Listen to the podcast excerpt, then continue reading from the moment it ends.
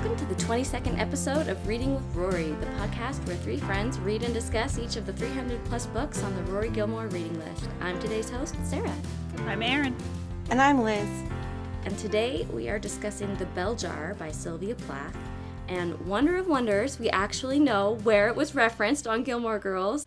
It was referenced in season 1, episode 17, The Breakup, part 2, uh, when Lorelai compares the experience of going to a Chilton party to reading The Bell Jar, and it was also referenced in season 4, episode 11, in The Clamor and the Clangor. But before we get started, let's have a little Friday night dinner and talk about what we're eating for this discussion. Erin? Um, okay, well, before I do, I just want to say that reference now makes so much more sense when she's comparing going to a Chilton party to reading the bell jar.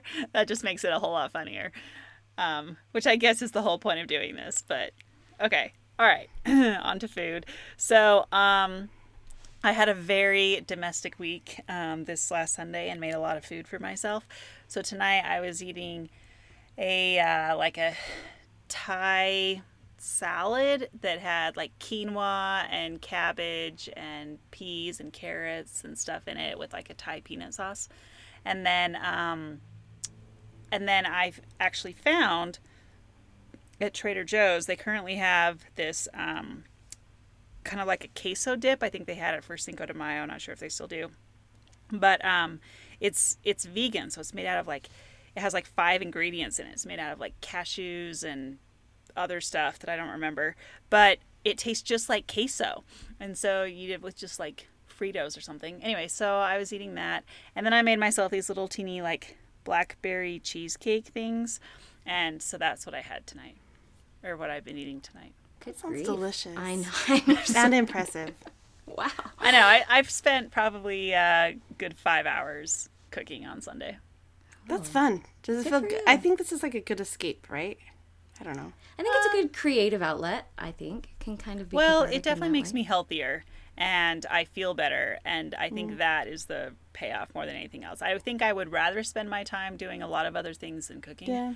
But um, I just don't like cooking very much. It just oh. takes a lot of time and it's messy and you have a lot of cleanup to do and you're just like never done. But um, but it is fun to have. to you for food. doing it. Yeah. Yeah. Um. Well, again, impressed as always. Liz, what about you? Um, I mean, I had a delicious dinner and that was great. But really, what I'm snacking on is I had a apple with um, like caramel and white chocolate from Mrs. Cavanaugh's that was ah. given to me for Teacher Appreciation Week. So it's even more special. So Liz, we appreciate you. It was really good. You know, it's also Nurses Appreciation Week at the time we're recording this. Apparently, I don't know mm-hmm. if you guys knew that, but I did yeah, know that. I did. Yeah. So, teachers and nurses, we appreciate you. Coincidentally, the week of Mother's Day. Yeah. Sexist or no? It's coincidental. I, anyway. Um, well, I am eating some, also having some Thai food. Erin, except that I did not make it. I bought it from a food truck, and it was so tasty. Mm, um, yum. It's um, massaman curry from one of my favorite uh, Utah food trucks, and it's called Susie Thai Food, and it's yummy.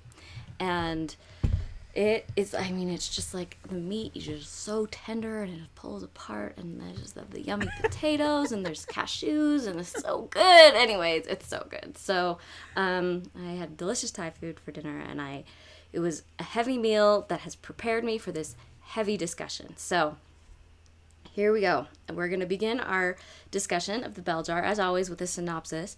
But before we jump in, uh, just a fair warning to our listeners that this might not be the lightest or breeziest of our Reading with Rory chats. This book delves deep into the experience of mental illness and deals with some serious stuff, including suicide attempts. And we want to treat that with the appropriate respect. So we'll try to lighten the mood with periodic knock knock jokes or, you know, whatever we can come up with. But uh, we just wanted our listeners to be aware that uh, of the heavy subject matter uh, before we begin. So, on to the synopsis.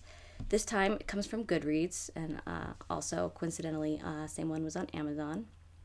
It says Sylvia Plath's shocking, realistic, and intensely emotional novel about a woman falling into the grip of insanity.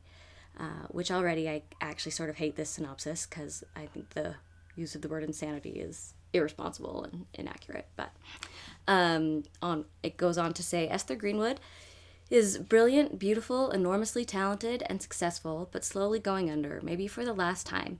In her acclaimed and enduring masterwork, Sylvia Plath brilliantly draws the reader into Esther's breakdown with such intensity that her insanity becomes palpably real, even rational, as accessible an experience as going to the movies.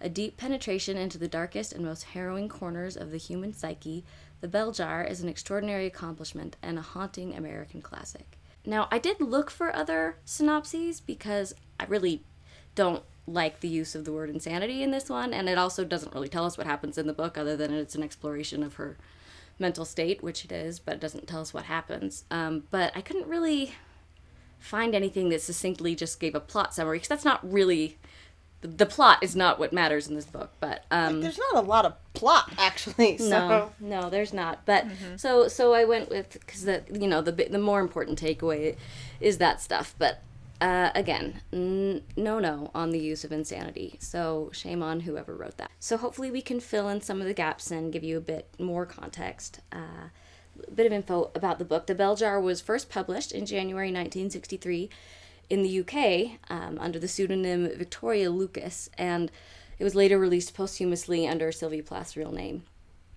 I think in 1966, still in the UK. Um, it is a thinly veiled autobiography that, in addition to chronicling a young woman's mental breakdown and eventual recovery, also explores social and cultural expectations of women in the 1950s. Plath tragically took her own life uh, one month after the publication of The Bell Jar in 1963 um, and it would be her only novel. And it remained. I, I thought that the history of its publication was actually really fascinating, and we could talk for a long time about that. But I don't want to necessarily get bogged down in the weeds. But it was it remained unpublished in the U.S. until 1971. Um, but it was already relatively well known over here before it was published, uh, because bootleg copies had been making their way across the pond. Like I think her suicide and her poetry had kind of she'd gained some notoriety and she'd gained quite a following and there was she's always been a bit romanticized um, because of her death and i think her her work has taken on a, a larger status because of that and we can maybe go into to that a little bit later but um, i wanted to read what the new yorker wrote about the bell jar when it was published in the us um, in 1971 um, just taking a little it's a big long article, and we'll share it on our website because um, I really actually really enjoyed it. It was a great analysis. But look at the essential takeaway. said the plain recital of events in the bell jar would be ludicrous if they were not balanced by genuine desperation at one side of the scale and a sure sense of black comedy at the other. It goes on to say the bell jar lacks the coruscating magnificence of the late poems, meaning Plath's poetry.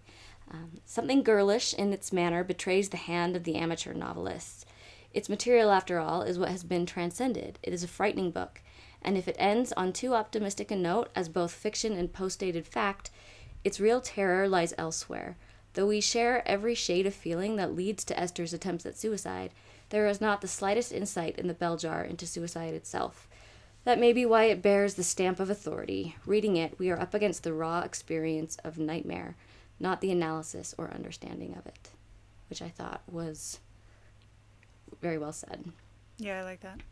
Um, okay, so normally we like to share other readers' takes on the book, but I'm going to be honest, the prospect of wading into individual readers' reviews um, from, you know, strangers on the internet um, and of such like an intensely personal book, it just felt somehow kind of icky to me. So I just want to skip that part and go straight into kind of feels like descending into like a comment section on someone's like most like personal trauma and I just feel gross about it. So let's um I don't know if what we're doing now is gross by extension and hopefully we can be respectful, but I trust us not to not to be icky. So let's, let's not be icky. Got yeah. it. uh, so Liz, let's start with you. Um, what was your experience reading the Bell Jar? How would you rate it?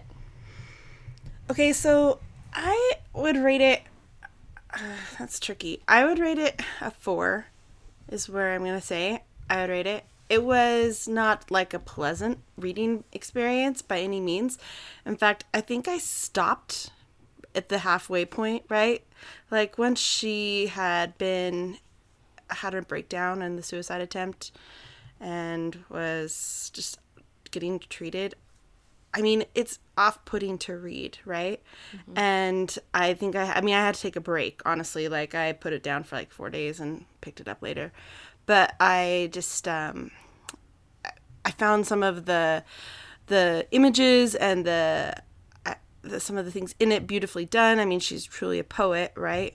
I loved all the stuff about the fig tree and just like where I just there was things I liked about it a lot, but I just didn't really love reading it. So there it is. It's a four.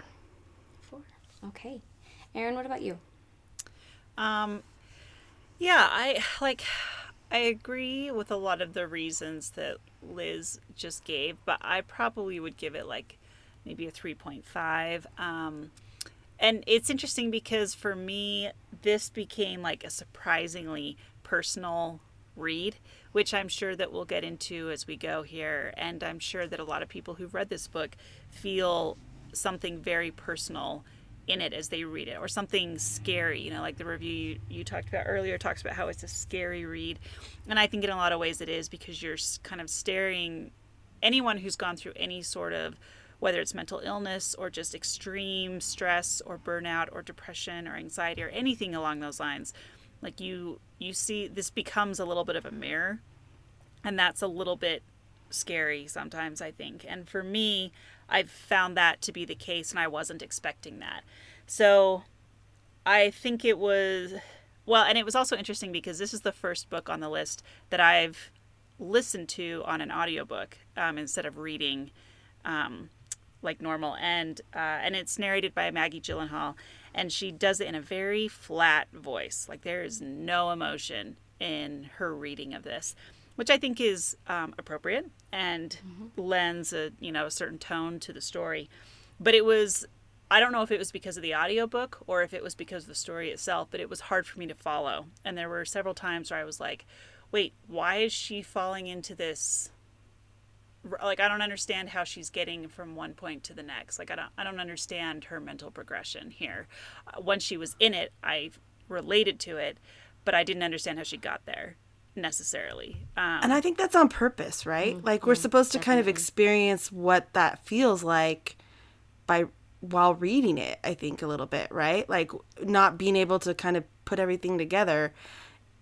Yeah, maybe so. I mean, like that's I think so. That's yeah, like at one me, point, what, I yeah. even went and like looked up different synopses online because I was like, what am I missing? I don't understand. like, what am I mm-hmm. missing here?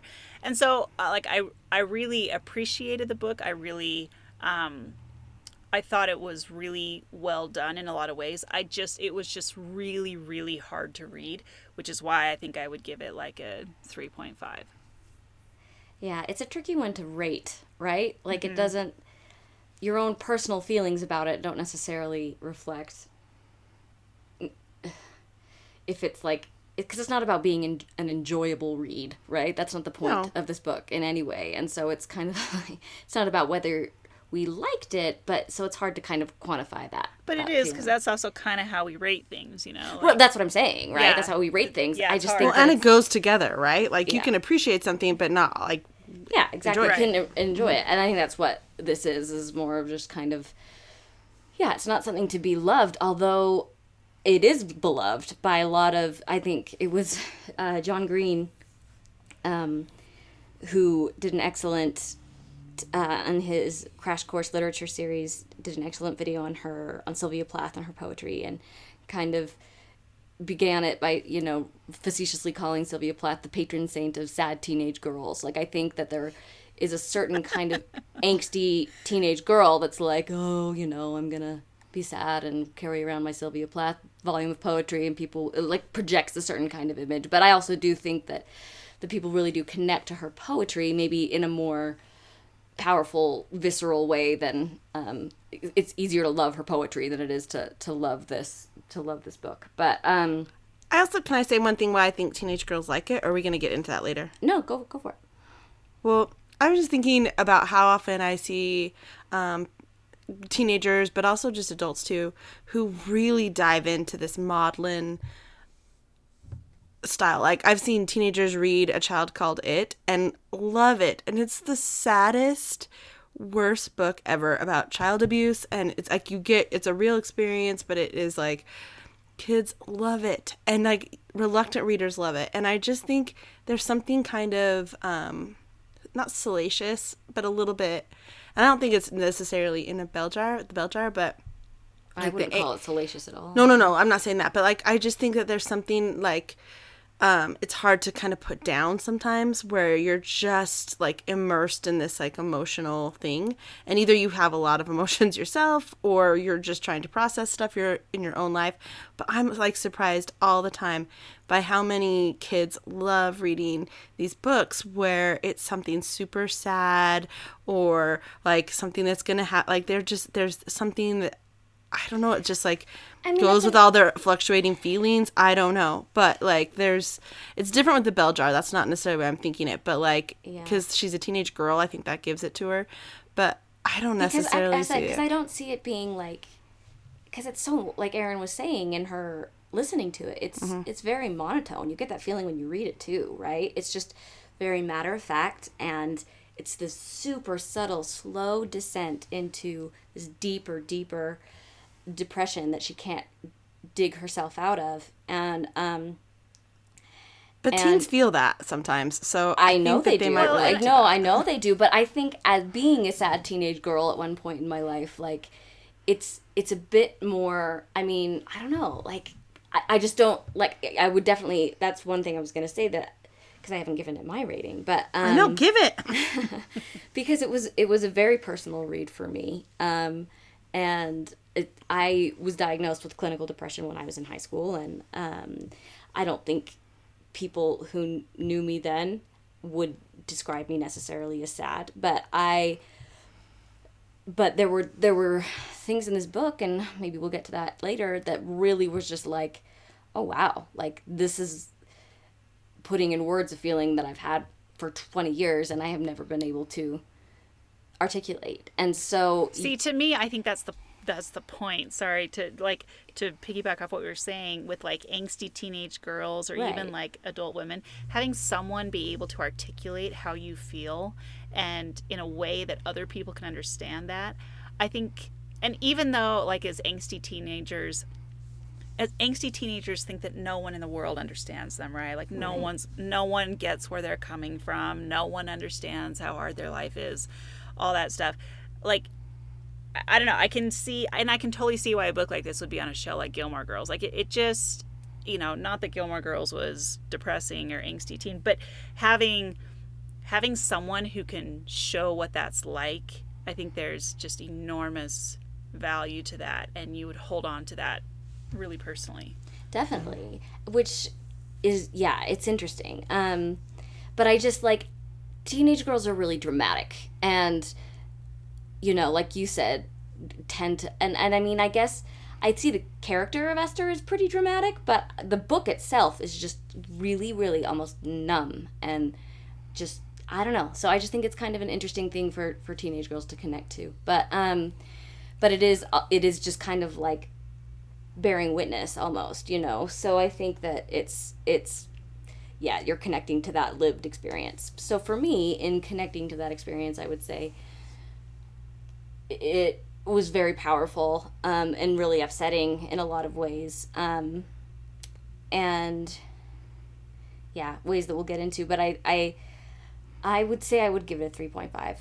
Um, just, yeah, yeah. I don't know. I, it just feels so arbitrary. I don't know. It's just such a, it's a complicated feeling, and Well, now you're stuck to it. So I know, there you I go. know. Three point five. That's where you're at. that is Own written, in- written in stone. um, so there there are a lot of directions we could take with this discussion. Um, it's kind of overwhelming actually, but um, I know this is certainly viewed as an important feminist text, and we've had some rousing discussions on feminism recently in our episodes on the awakening and backlash.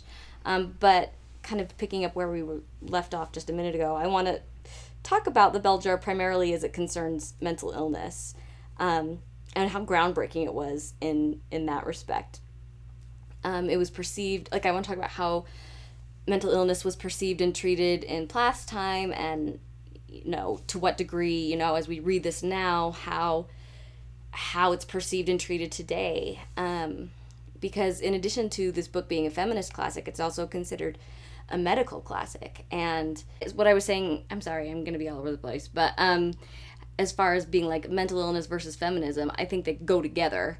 And I don't want to discount that experience because I think absolutely like, and and it's it's true that in my research I read that depression is diagnosed twice as much in women as in men. Like it, it is a, a very female experience, and you have to kind of wonder what contributes to that, um, and how much of it is environmental and how much of it is is chemical and biological. But it's it's just heartbreaking what happens to her, and and I just think how far we've come, but also not that far. And I was gonna say I've, I've had a lot of suicide discussion. Yeah, yeah. In my career. Um, yeah. So I was gonna. So I wanted to ask you, like, what what were your experience? What was your experience with reading it and relating to it on that level? This is an interesting time to be talking about the bell jar because there is so much discussion out there right now about mental illness and about um, just making people more aware of it and understanding it better and reducing a lot of the stigmas or removing a lot of the stigmas around mental illness. So I think this is actually like a really great time for us to be having this conversation. Yeah. And you know, and to your point, Sarah, like, why are there more women than men diagnosed with it? Who knows, right? Is that cultural? Like, do more are more are women more willing to go get diagnosed for it than men, or is there something biological? I doubt that, but you know, I don't know. It's interesting to think about. So for me, um, like I I have never been diagnosed with clinical depression or anxiety or anything like that. I have many people in my family, you know, extended family who who have been, but I have not. And so to some extent, it's actually been kind of difficult for me to relate over the years because I don't understand what it's like to be um, to deal with that and to be in a moment where you feel that. However, over the last five years, as I was going to grad school and then kind of starting my job right out of grad school, I went through what I would call severe burnout. And in fact, I, I had a conversation with a friend who was a therapist about that. And she was like, Yeah, you probably had like, you know, like diagnosable burnout. And burnout is not something that a lot of people talk about. Um, it's kind of one step removed from depression, um, but it's worse than just like I'm stressed. And for me, it just, there were so many things happening all at the same time, so many different kinds of pressure over a prolonged period of time that I just kind of reached a point where I was like, I can't do this anymore. And in fact, there was one time, like about halfway through grad school, when I um, I was doing an internship, and just feeling um, really like kind of stressed out. And I called my dad one day, it was like a week before the 4th of July. And I said, Dad, I think I need to come home and uh, just come home for the 4th of July and just, you know, spend some, like, some, you know, the weekend at home. So thankfully and, you know, very gratefully, he agreed to pay for a plane ticket for me to come home. And I came home and I was here um, just spent the time with my family. Like I did not have a desire to do anything. I didn't want to go see fireworks. I did like there were fireworks outside. I just wanted to stay inside and like watch a movie and not go anywhere. I didn't want to see anyone. I just wanted to exist in the presence of my family. And one night, like a day or two before I was supposed to fly back, I was um, getting ready to go sleep, and I just thought, I just can't do this anymore. Like I just can't. I can't do this. And um, so I called to my dad and um, I was like, Dad, I just need you to come sit with me for a minute. And he did, and he just came, and it was it was a really it was just one of those moments that will probably stay with me for the rest of my life because he just he came downstairs and he just held me like a little child and I just cried. I just cried and cried and cried and cried. And I had no reason to. Like everything was fine in my life. Things were going fine. I had a great internship. I was doing a great graduate program, but I just was so burned out and I just couldn't take it anymore. And I said, I just don't think I can go back. And he he said, "Okay, then don't. Like call him, stay another week, see how you feel, and then decide at that point. And he was so supportive and so accommodating. My whole family was. And so I did. I called my supervisor and I just said, hey, you know, I think I need to take a week. And he was like, okay, that's totally fine. Like, he was really great about it. And I just took that week. But it was a real low point for me where I just thought, I just, I don't know that I can continue with this anymore. And you know, as time has gone on, I've, you know, been slowly climbing back out of that myself and kind of dealing with that um, and learning the limits of what I can accomplish, which has been really difficult for me because I don't like to think of myself as someone who's limited by really anything. Um, but I've had to like come to grips with things that I can and cannot do and to reevaluate how I spend my time and where where I prioritize things. So reading the bell jar for me was a like I said it was it was like looking in the mirror in a lot of ways. Like I never went down the path that Esther did. I didn't go as far as she did. But having those feelings of, you know, what is this all for? Like why are we doing this? What, you know, what's the point? And looking at that in the context of the 50s and seeing someone who would have been really intelligent, probably otherwise really ambitious, and looking at her life thinking, I don't want to learn shorthand because I don't want to be someone's secretary. I want to be that person. I don't want to be their secretary. And I don't want to marry Buddy Willard and just like be his dutiful housewife with no opinions while he goes off and does his own philandering. Like, I don't want to do that. I can I can see how all of that would have led her to just sort of I don't want to do this anymore. And so for me that's where it became really really personal. Yeah, I can see that. I and I mean that's some intense stuff for sure and totally I can see the parallels. Um where where I see the difference in my in just in my own experience in reading it and having been diagnosed with depression and anxiety and I've been on medication for many many years and treating it in lots of different ways and understanding that that how how I understand your situation, Erin, and how you're reading Esther's situation as it's primarily environmental, and and it's not something that's your chemical your your your brain chemistry isn't off. You're you're reacting to your circumstances. And she was reacting to her circumstances. And i don't want to prescribe what was happening to you. I um you well, know no i mean i think that's fair you know like like i said you know i, ha- I have not ever been diagnosed with clinical depression or anxiety. But it so that that experience for me was a little bit of a window into what that world would be like. But sure. but yes for me it was very much an environmental and situational thing. Yeah. And and that's where i think it gets it gets um, tricky in having this conversation because because it is a gray area, right? I think that what's so interesting about the book, and this is kind of well documented in lots of writing about the book and lots of understanding, is that, um, and again, and again, how I talk about this book as a medical classic. Like, yes, she's in the midst of this mental breakdown, but so much of this, like throughout the book, there's so many physical there's so much physical sickness and so many like ailments right? Like there's like the food poisoning and then the broken leg and and um and i mean to say nothing of the different suicide attempts you know what i mean? There's just a lot this mental anguish is is almost incarnated right in these physical experiences. And then there's a passage in the book and i'm so dumb because i didn't flag it but I think this is really true, and I, I was I never d- dealt with self harm. That wasn't that wasn't something that I had to struggle with, but I had very very close friends who did, and just that sense of like I am in so much pain, so much mental pain. I have to find a way to to show this to people because they don't believe that it's a really painful experience.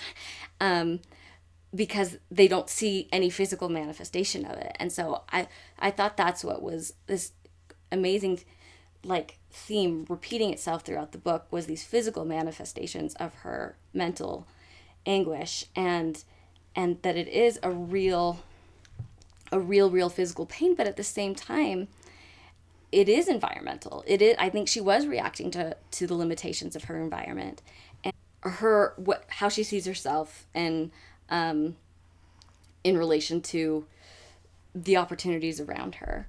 Um, and Liz, you referenced the the quote of the fig tree. It's probably the most famous quote in the book, and that's what I was thinking of when you were sharing your experiences, Erin. So. Um, it's kind of a longish quote, but I'm going to read it. She says, I saw my life branching out before me like the green fig tree in the story. From the tip of every branch, like a fat purple fig, a wonderful future beckoned and winked. One fig was a husband and a happy home and children. Another fig was a famous poet, and another fig was a brilliant professor, and another fig was E.G., the amazing editor, and another fig was Europe and Africa and South America, and another fig was Constantine and Socrates and Attila and the pack of other lovers with queer names and offbeat professions, and another fig was an Olympic lady crew champion, and beyond and above these figs were many more figs I couldn't quite make out. I saw myself sitting in the crotch of this fig tree, starving to death, just because I couldn't make up my mind which of the figs I would choose. I wanted each and every one of them, but choosing the one meant losing all the rest. And as I sat there, unable to decide, the figs began to wrinkle and go black, and one by one they plopped to the ground at my feet. And um, I think that's, you know, that pretty that I feel like that really captures like the experience of a young adult in general of, of like like indecision what and- anything can their future can hold. for sure. But what I think is funny, what I think is, and I read this in an article in Bustle that we'll that we'll share. Um, says people rarely seem to quote the page after the fig tree.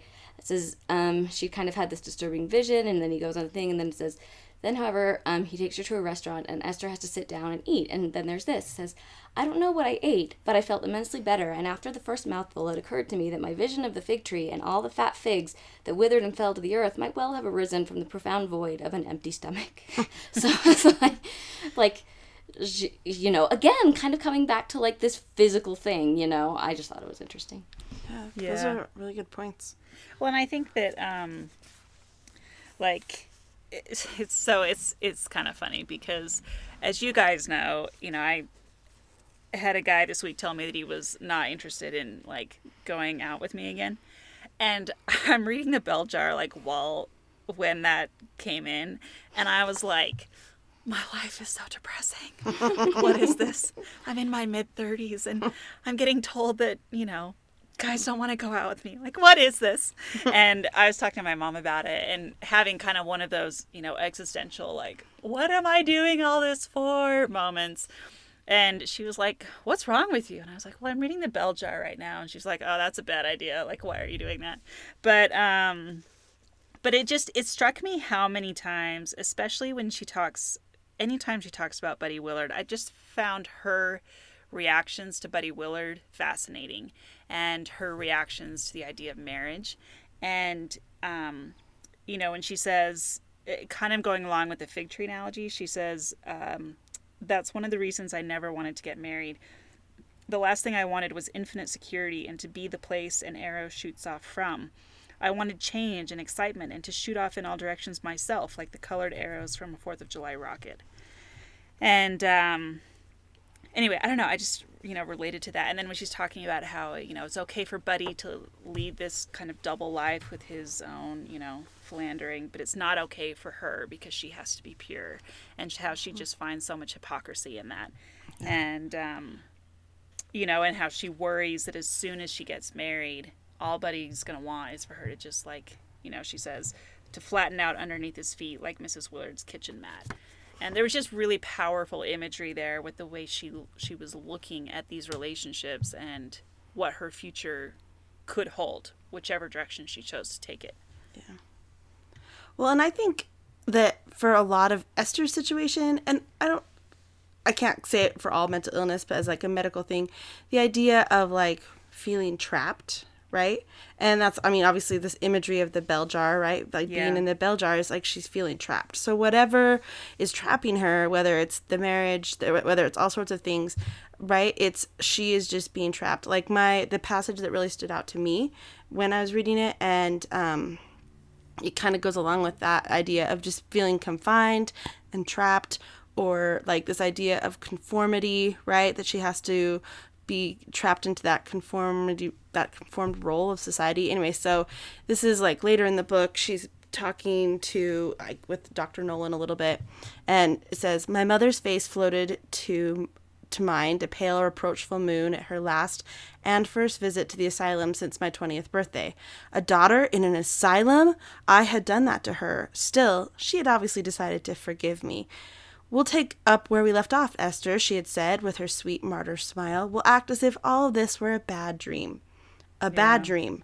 To the person in the bell jar, blank and stopped as a dead baby, the world itself is the bad dream. A bad dream. I remembered everything. I remembered the cadavers and Doreen and the story of the fig tree and Marco's diamond and the sailor on the common and Dr. Gordon's wall-eyed nurse and the broken thermometers and the Negro with his two kinds of beans and the 20 pounds I gained on insulin and the rock that bulged between the sky and sea like a gray skull. Maybe forgetfulness, like a kind snow, should numb and cover them. But they were part of me. They were my landscape. Like I just love how it blends like the whole like everything that happened to her into this poetry to describe how she feels while she's in that jar, right? Mm-hmm. And that you can't really forget it. It's part of her. So part of me thinks that it may be environmental, sure, but that doesn't also mean that like later on she's better, right? Just because things change in her environment. Obviously, if you look at what happened to Sylvia Plath as an example, mm-hmm. She she wasn't better, right? Like that wasn't uh, the cure for her once she became a different environment or once she moved on from her angsty teenage years, right? Like there was clearly something chemical that must have been there as well. But I mean, just the idea of how to describe it as they're part of her landscape and they're part of her was just a beautiful imagery, poetry that she's so good at. But that passage just kind of encapsulates to me maybe what that would be feeling like to be trapped, either whatever the circumstances are trapping you. But all those things were clearly something that were on her mind. Yeah. And I think her her mom's reaction too is an mm-hmm. interesting one, right? Like her mom clearly had no idea what to do and either just, you know, tried to sweep it under the rug, you know, like that line of we'll just pick up where we left Yeah. off and pretend like none of this happened. And Esther's like, yeah, okay. You mm-hmm. try to do that, like sure. Right, sure, it's a bad dream. Like I just think that that's also something that struck me is that no one really knew how to help her or talk to her except doc. I mean, doctors could. Well, actually, But even no. doctors didn't. Doctor Dr. Nolan Norman- could. Yeah, like the woman Nolan doctor could. could. but the one doctor totally it- blew it. was it was it Dr. Gordon? I don't remember his name. sounded- yeah, Doctor Gordon Yeah. was the one that did the. Well, The, they like- both did, but Well, you but know. he did it in this like horrifyingly brutal way. This uh, we're talking about el- the electroconvulsive therapy, and and I mean, I marked that like the the description of that, and it's kind of just it's it's her kind of jumping from kind of I can see how it would be confusing Erin because it's going from her mental place is going from one thing to the next thing to the next thing, which it I- would if you've And been back and forth treated with electroconvulsive Uh-huh, yeah, therapy. and and back to, and back and forth in time. And i and i absolutely but i really like that. I think that's what makes it so like easy to relate to because as you're having one experience you're thinking about the experience that came before that you know put you in this circumstance or put you in this in this frame of mind at where you are now. And so it that you you're thinking about you're never fully present where you are. You're thinking about the past or you're fretting about the future and Even when they're trying to numb you or make you forget, you can't. right. So it says um okay all right. I then realized i'd been fastened upside down. I sensed the f- unfamiliar positioning of the hairpins in my hair. How do you feel? An old metal floor lamp surfaced in my mind one of the few relics of my father's study it was surrounded by a copper bell which held the light bulb and from the from which a frayed tiger colored cord ran down the length of the metal stand to a socket in the wall one day i decided to move this lamp from the side of my mother's bed to, to my desk and to the other end of the room. The cord would be long enough, so I didn't unplug it. I closed both hands around the lamp and the fuzzy cord and gripped them tight. Then something leapt out of the lamp and a blue flash and shook in, in a blue flash and shook me till my teeth rattled, and I tried to pull my hands off, but they were stuck, and I screamed, or a scream was torn from my throat, for I didn't recognize it, but I heard it soar and quaver in the air like a violently disembodied spirit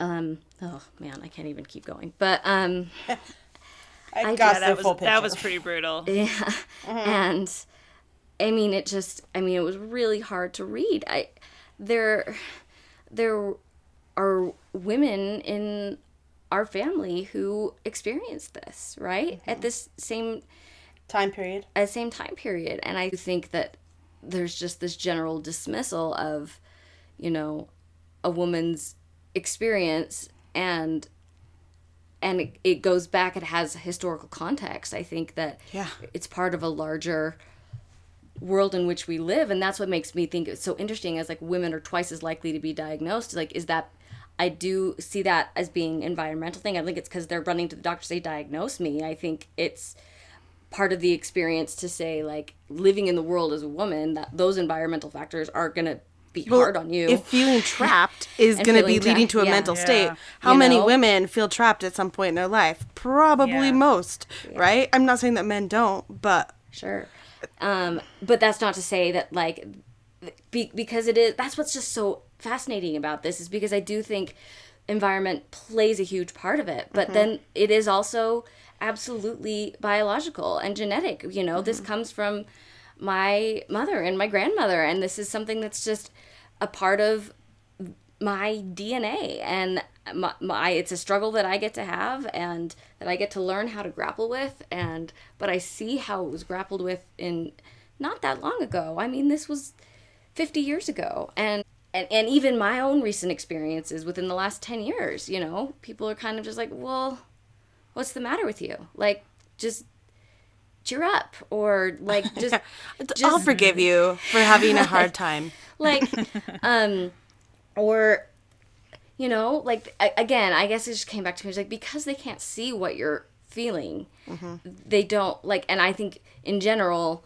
it like people lack empathy to begin with. We should all just be doing more as a species to like increase our empathy because you don't know what anyone else is experiencing inside whether that's just their own personal struggles or if it's like mental illness you know what i mean? But i think that we can be there for people and like what your dad did for you mm-hmm. Erin you know? Like that's just Yeah. we just need those like human connections. Like i just think of poor esther and like she had no one. Her mother didn't like she was completely alone Yeah, her suicide attempt was probably so preventable at that early stage before, you know what I'm saying? Like if someone had been, I don't know, able to like listen to her in a more I don't know, maybe not. Maybe that's not a fair thing to say. But I'm just thinking, you know, like she got to the point where she had stopped eating and stopped sleeping and stopped worrying about stuff like that's She hadn't even crush- changed her clothes Yeah, for what, like, like- three weeks? Yeah. So when she was talking about how she hadn't washed her hair and however Yeah. long yeah. I mean, I think people probably were worried and trying to help her, but I think we have a lot more uh, tools now, maybe, or uh, awareness of the world to like help someone, hopefully, when they're showing those signs earlier, to then, I don't know, I would hope. There's just too many cases where that's not always the case, but Yeah, I just it's so it's not cut and dry, and I think you know we like as humans we like things to be neat and tidy and cut and dry and mm-hmm. and we can and easily definable, and these kind of things are not, and it's it's it's putting stories like this out in the world to help people see it and recognize it and say that's my experience too, and to share that experience is so so so important. Even just so like my earliest experiences with depression felt exactly like this. I mean like word for word. She says i told doreen i would not go to the show or the luncheon or the film premiere but that i would not go to coney island either. I would stay in bed. After doreen left i wondered why i couldn't go the whole day doing what i should anymore. This made me feel sad and tired. Then I wondered why I couldn't go the whole way doing what I shouldn't, the way Doreen did, and this made me even sadder and more tired. so, before we move on, is there anything else that you guys want to share? I feel like I maybe talked too much. Anything that sh- stood out to you, surprised you? Anything more you'd like to share about your experience with the bell jar? I mean, no, I think we covered. I mean, the Ingalls. I mean, I don't want to dwell on the feminist stuff because that's there. That's we don't want to. But I do think, like, when you're talking about mental illness, I think that there's so many. There's so much history of like women when they're not understood. Like not being able to either say why or like quantify why and people like oh well let's go let's you know s- send them to a therapist or let's um like and then the there or even in like the awakening right how her um how her husband was like, "Oh, let's put let's send her to a doctor. Something's wrong with her. It's like she's not happy. Something's wrong. Let's send her to a doctor." And then they mm-hmm. totally misdiagnose or don't truly help them or know how to help them or It are like makes me think of like in like Mad Men. yeah, right? when they're like secretly episode, talking to the talking husbands. husbands, yeah. yeah, I just feel like there's this whole history behind of like mistreating and not knowing how to like like diagnose or properly help people who are in these circumstances and it's not always going to be this like clinical case that would be so like hard to figure out today. So hopefully i just hope that like there's a ways that we have come around obviously where no one i don't think anyone's husbands get access to their therapist notes hopefully right? Like i don't think mm-hmm. that's how that works anymore. But i just think i just think we've come a long way and i feel grateful about that and that's But uh, that being said, say. yeah, we can still do a lot better in validating people's experiences. Yeah. Oh, I'm not saying we're done. Like it's No, yeah. By any means, I feel like there's, if anything, people are still sh- kind of head scratching about what to do with teenagers now, Mm-hmm. right? Or like with certain segments of the population, or like LGBTQ, you know, like how like these people who are at risk, like what are we doing that's not meeting their needs? And I think that's a good question to approach it. And I think one thing I learned from the bell jar, I guess, is having when she had Dr. Nolan, who was a woman and who could kind of talk her through it, like it made a bigger difference. And she was suddenly, you know, uh, changing and growing and getting better as someone else was like helping her out in a better way. And so I think people who kind of can relate to you in a different in that way and not someone who just looks at you like what's wrong with you is going to be a good person to kind of help figure it out. So I'm glad that we're diversifying who knows about mental health and not just kind of looking at it from like outside of that bell jar, right? Like they're not trapped inside by themselves. It's someone who might really be able to relate to you on a different level. And I think just even like the words we use in talking about it, I Mm-hmm. know people get nervous about like, well, we have to be so politically correct and so, but I just think that it's a function of empathy again and people's and and respecting people's experiences. And when you're talking about someone who has an illness as insane or crazy, Crazy, yeah. that's really upsetting. And so i think we need to be we need to be careful with how we talk about it too. Well, and I think too, you know, just like recognizing and allowing people to, um, to figure out what they need to do to make their life work.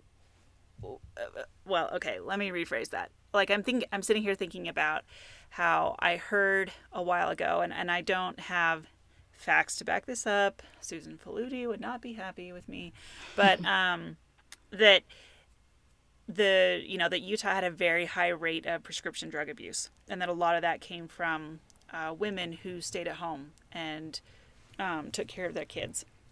And I think there are a lot of women who struggle, kind of going back to the feminist thing, mm-hmm. with figuring out, like, you know, how do I take care of my children and fulfill this role that I'm supposed to fulfill and supposed to love, but it's really hard. like and, why am I feeling so unsatisfied or right and yeah. I'm, yeah i'm terribly unsatisfied and i'm very unhappy even though i love these people Mm-hmm. and want to take care of them but i'm so unhappy and just kind of miserable and you know having compassion for people going through that and then i also i'm also sitting here thinking about like my profession right like i'm an attorney by profession and like the legal field is known for its alcohol abuse.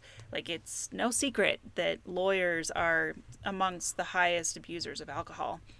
And um, a lot of that is because they're just so miserable. Like it's a hard job and there's so much pressure on you to work all the time and to constantly be billing more hours and to be putting more time in. You can never give enough to the job. Never. You can never give enough.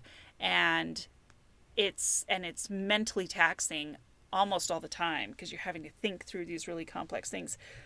And it's just it's hard and so a lot of people don't know how to deal with that and they don't feel like they can say no. They don't feel like they can set boundaries and protect their lives and protect themselves and so they turn to other methods to do it for them and it doesn't always end up well. And i don't know so i guess i'm just thinking like being aware of that and letting people like giving people the room to work through what they are going to need in their own life or figure out like a way happy. to balance that. Yeah, Yeah, I mean, you know? not to make this like the Sarah Thomas show, but like Erin, that hits so close to home because I, I mean, I work eh, like alongside attorneys and you know help make the laws. Like I'm very involved in the legal field, um, and it's always kind of like a natural question. I was, well, are you going to go to law school? Like, is that what's next for you? Kind of like it's a given sort of a thing. And I've been getting, and I was political science major, so I've been getting this question for you know, since I was sophomore in college. And I knew, given the way that my brain is wired, that it wasn't going to be the right path for me. And and that was a hard thing talking about limitations, right? You want to think I can do anything. Well, I know I can't do everything. And this is not going to be something that's going to make me happy. It's not going to be something that's going to allow me to be at my best and and to feel my best. But as a consequence, I feel like there's this and it's my own thing that I'm working through and and hopefully will completely come to terms with one day, right? But It's a journey. It's a journey. it's a journey, right? Like I feel like I have to explain myself when I, it's no one's business necessarily that like well i didn't go to law school because uh, in high school i was diagnosed with you know you know what i mean like it's just you know i'm not gonna i'm not gonna do that so that's a tr- that's a tricky thing right Yeah. where it's like i have made very conscious choices not to pursue something. And again i think people that don't know you or know your whole life story and not that they should but like maybe you're going to make assumptions that I'm not comfortable with but you just have to learn to be comfortable with them right? Like so maybe someone thinks I'm lazy or unambitious or whatever it is but I'm like no I'm taking care of myself and I'm taking care of my health. And I can provide for myself and do the things that stimulate me mentally and intellectually without going to law school or without being a lawyer. And it's been the best choice I've ever made, but I still feel insecure about it every single day. yeah And it's it's hard, right? I don't know. I mean, like mm-hmm. we just need I think the point is we just need to let people do their thing and support them in, in what they do. And I think Yeah. We probably people are doing that and I'm just nervous and hard on myself. But um well i think we're getting better at it yeah. we're not there yet though i think but, but i think we're getting better at it Yeah. because I really do work with wonder peop wonderful people, and I don't think they're sitting around thinking she's lazy or unambitious. I think that's me projecting like my worst fears about myself onto them. You know what I mean? But I also know that it's it was ultimately definitely the right move for me um, to prioritize my my mental health, and I'm grateful that I've gone that way. And it's not to say that you know who knows what the future holds, but it, it's been the right move for me thus far. But it's still something you just feel it's just hard, you know, because I think you kind of are damned if you do and damned if you don't. yeah Oh, those are good points. Sarah, I have a question. I think um, to me earlier, you're like the year in the life, like Rory reading the like in the in the year in life of Gilmore Girls, right? Mm-hmm. When Rory comes back, were you the one that was talking about this? I don't want to take credit for it because I don't, I didn't come Rory comes it. back. When Rory's like coming off of her job and she can't decide, like she goes to New York and she's trying to write and she can't find herself and she kind Oh of yeah, I was kind little of talking about it, but not necessarily just within the context of the year in the life, just like Rory Yeah, in general as yeah. a character, right? Like she's. But I thought of a year in the life, right? Like we were kind of judging her a little bit when we were watching that. We're like, "Come on, Rory, get it together! Like, what's wrong with you?" Right? I mean, I was. Maybe that's me. I No, was kind were, of. you were not alone I was like, "This is like, what are you doing?" And so then I'm like reading the bell jar, and I, could, I just felt like I felt like Rory was floundering in a similar way to Esther. you Mm-hmm. yeah. know what I mean? Well, I guess my point is, is like we don't know what she's going through. We should cut Rory some slack, which is what you when you're saying how like you feel this pressure. The outside people are like looking at you and wondering what why why you're not making different choices. Maybe we should also like internalize that and be like t- to fictional characters. that we love to give them some slack. Yeah, it's true. Yeah, I don't know. the end. I don't know. You just brought her up how like Rory would write. You kind of saw Esther I just saw, and Rory, I and I was some, like, that's I a saw good some point. parallels about like you know she'd always been this high achiever and then she kind of hit this stumbling block right like hit this obstacle and just sort of fell apart and in that respect it reminded me of Rory but I think that Esther had a well, obviously they don't travel the same path. I and, just Rory, think and Rory's just rich and entitled and I think lots of people can just kind of identify this. No one's path is super perfect, right? So it's easy to stumble and find find hard times and it's not easy to get through those, but it's everyone has those moments, I guess is the point. So even the Gilmore girls. Okay. nice try Liz that was de- that was a decent a decent shot not to A decent shot. I what, like segue to talk about something else? Okay, so that was heavy, you guys. We're gonna segue into some lighter stuff now, a little bit, hopefully. Um, and now that we've exercised some of those demons, let's talk about. Um, um, let's get to our favorite segment on the podcast, where we discuss the places in this book. Excuse me, the places this book has popped up in pop culture. Um, you know, its general, its larger cultural footprint. Um, and I'm not gonna lie to you guys. After reading this and preparing doing the research and preparing for this discussion, I was I kind of lacked the mental energy to do exhaustive pop culture research. So helpfully, Wikipedia just had a whole bunch, and then I just tried to remember some. So that I just remembered. But so the overall takeaway is that this book's cultural legacy is actually pretty major. So. According to Wikipedia, the bell jar has been referred to many times in the popular media, including First List, Gilmore Girls, Heyo, The Simpsons, Family Guy, Sabrina the Teenage Witch, Light, uh, excuse me, Warehouse 13, Robot Chicken, and in the finale of Master of None. Iris Jamahl Dunkle wrote of the novel that, quote, often when the novel appears in American films and television series, it stands as a symbol of teenage angst, which I, no, okay, that's, People do equate it with um Yeah, I can see where that with I can see that. they I equate just- it with that annoys me. Catcher in the Rye too. Like it's like Catcher in the Rye and the Bell Jar. It's mm-hmm, mm-hmm. okay. I just that feels overly simplistic, is all I'm saying. And then it says Larry Peerce's The Bell Jar in 1979 was a film. Starred Marilyn Hassett as Esther Greenwood and featured the tagline "Sometimes just being a woman is an act of courage." Yeah, seems a little. Geez, someone got paid to A write little that. trite. I mean, but it's true. Oh, man. All right. Sure. Okay. In July Next 20 one. In July 2016, it was announced that Kirsten Dunst would be making her directorial debut with an adaptation of The Bell Jar starring Dakota Fanning as Esther Greenwood. I don't know if that's hmm. still if they had ended up making that film or I I don't know that it ever actually. we come. They made they, instead they made what's the one that they did with Nicole Kidman and they were in like the house during the Civil War. But she didn't direct that. I know, but maybe they just decided That was a that was Sofia Coppola. I Yeah. don't remember what that was called. It was good. No, but I'm guys, just I think they totally are making it. Um, it's listed on IMDb as a comedy and a drama, which seems a little bit interesting. like the first part's um, funny, the second part not. Go. yeah, but it's got um, Dakota Fanning as Esther Greenwood. Patricia Arquette is in it. Jesse Has it- Plemons plays Lenny Shepherd. okay. Wow. And Stacy Martin. uh, Landry. Kirsten Dunst is directing it. Jason Isbell. I'm a big fan of Jason Isbell. He he refers to the bell jar in his song "The Life You Chose" from his 2015 album "Something More Than Free," and he wrote, um, "Who who are you if not the one I met? One July night before the town went wet, Jack and Coke in your mama's car. You were reading the bell jar." So that he likes an right. he liked an angsty teen. That's Yeah. um, my first pop cultural exposure to the Bell Jar came pre Gilmore Girls. Was with one of my very favorite, uh, you know, films growing up. Very formative was the classic Ten Things I Hate About You.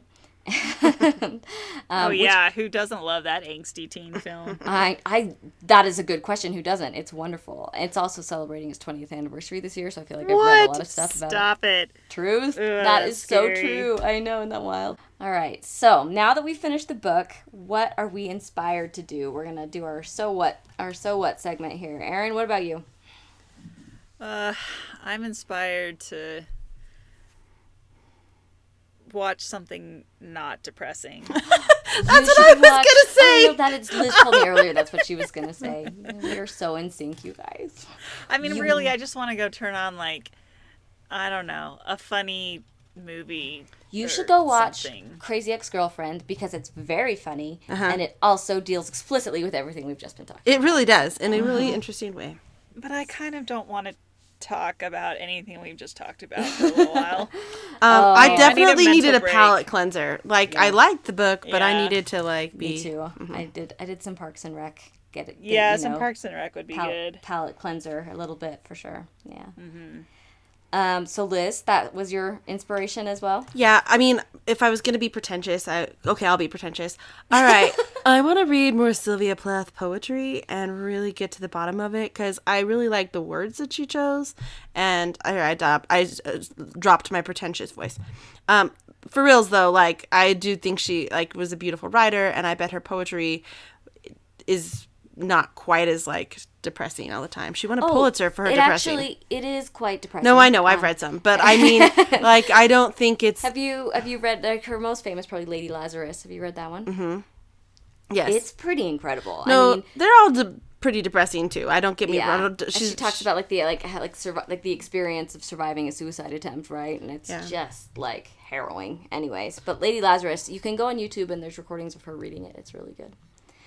Um, you know, it actually inspired me to talk more about my like to share more of my personal experience with it. I do think that the more we can talk about our personal experiences with it, I was going to say I've shared something a little more personal than I ever do, like on Instagram several months ago, kind of talking about it and alluding to my experiences with it. And I was really surprised at the reaction, just in like so many people being like, "I just really appreciate you sharing because it's it's just helpful to um, helpful to to see that. And um, and I think how it would have been helpful for me to see to have just more um, visibility around some of these things and have and remove some of the shame and mystery and um, misunderstanding from it. So I'm gonna try and find more appropriate, not super oversharing ways to be open about it. I guess I don't know. It's tricky, but that's what No, I, I think that's a good point. And, you know, I, I wrote a blog post about my burnout experience and yeah. my It was really good. I remember. and yeah like it i it, like you say like you were saying i was surprised at the number of people who commented on it and who've you know had felt similarly in other ways. So i think talking about it is a good thing and it doesn't have to be in your face but i think it's healthy and it's helpful to other people to know that they can talk about it too and i think that's a good thing. Um, i also wanted to say that if you were sad that we didn't have a chance to talk more about Sylvia Plath, we actually get to read the unabridged journals of Sylvia Plath from 1950 to 1962. So, we do. really. I did not know that. I mean, they're in the U, so it's going to be a while. But, um, you know, just keep that in mind because because those are those are probably the journals right up close until the end of her life. So yeah, she died in 1963. yeah so we'll we'll have uh, an interesting time with that but um, anyway so more sylvia plath to come Well, what did you, our listeners, think of the bell jar? We would love to know. Come tell us. Find us on Twitter, Instagram, and Facebook at Reading with Rory, or come find us on our website at readingwithrory.com. You can follow us on Spotify for more songs that reference this and all of our other books. Erin had a great suggestion. We're going to have some Indigo Girls on there. Like, that's going to kind of be the vibe of this playlist, I think, and I think it feels appropriate. uh, but let us know if you guys have any pop culture references that we missed. I'm sure there were plenty we missed. We just kind of did a big, a, a brief skimming. Um, so you can tell us, send us an email. Um, maybe we'll we'll say it on a future show. Uh, next time on Reading with Rory, we're going to be reading another American classic, Toni Morrison's Beloved. So join us as we read along, and we'll catch you next time.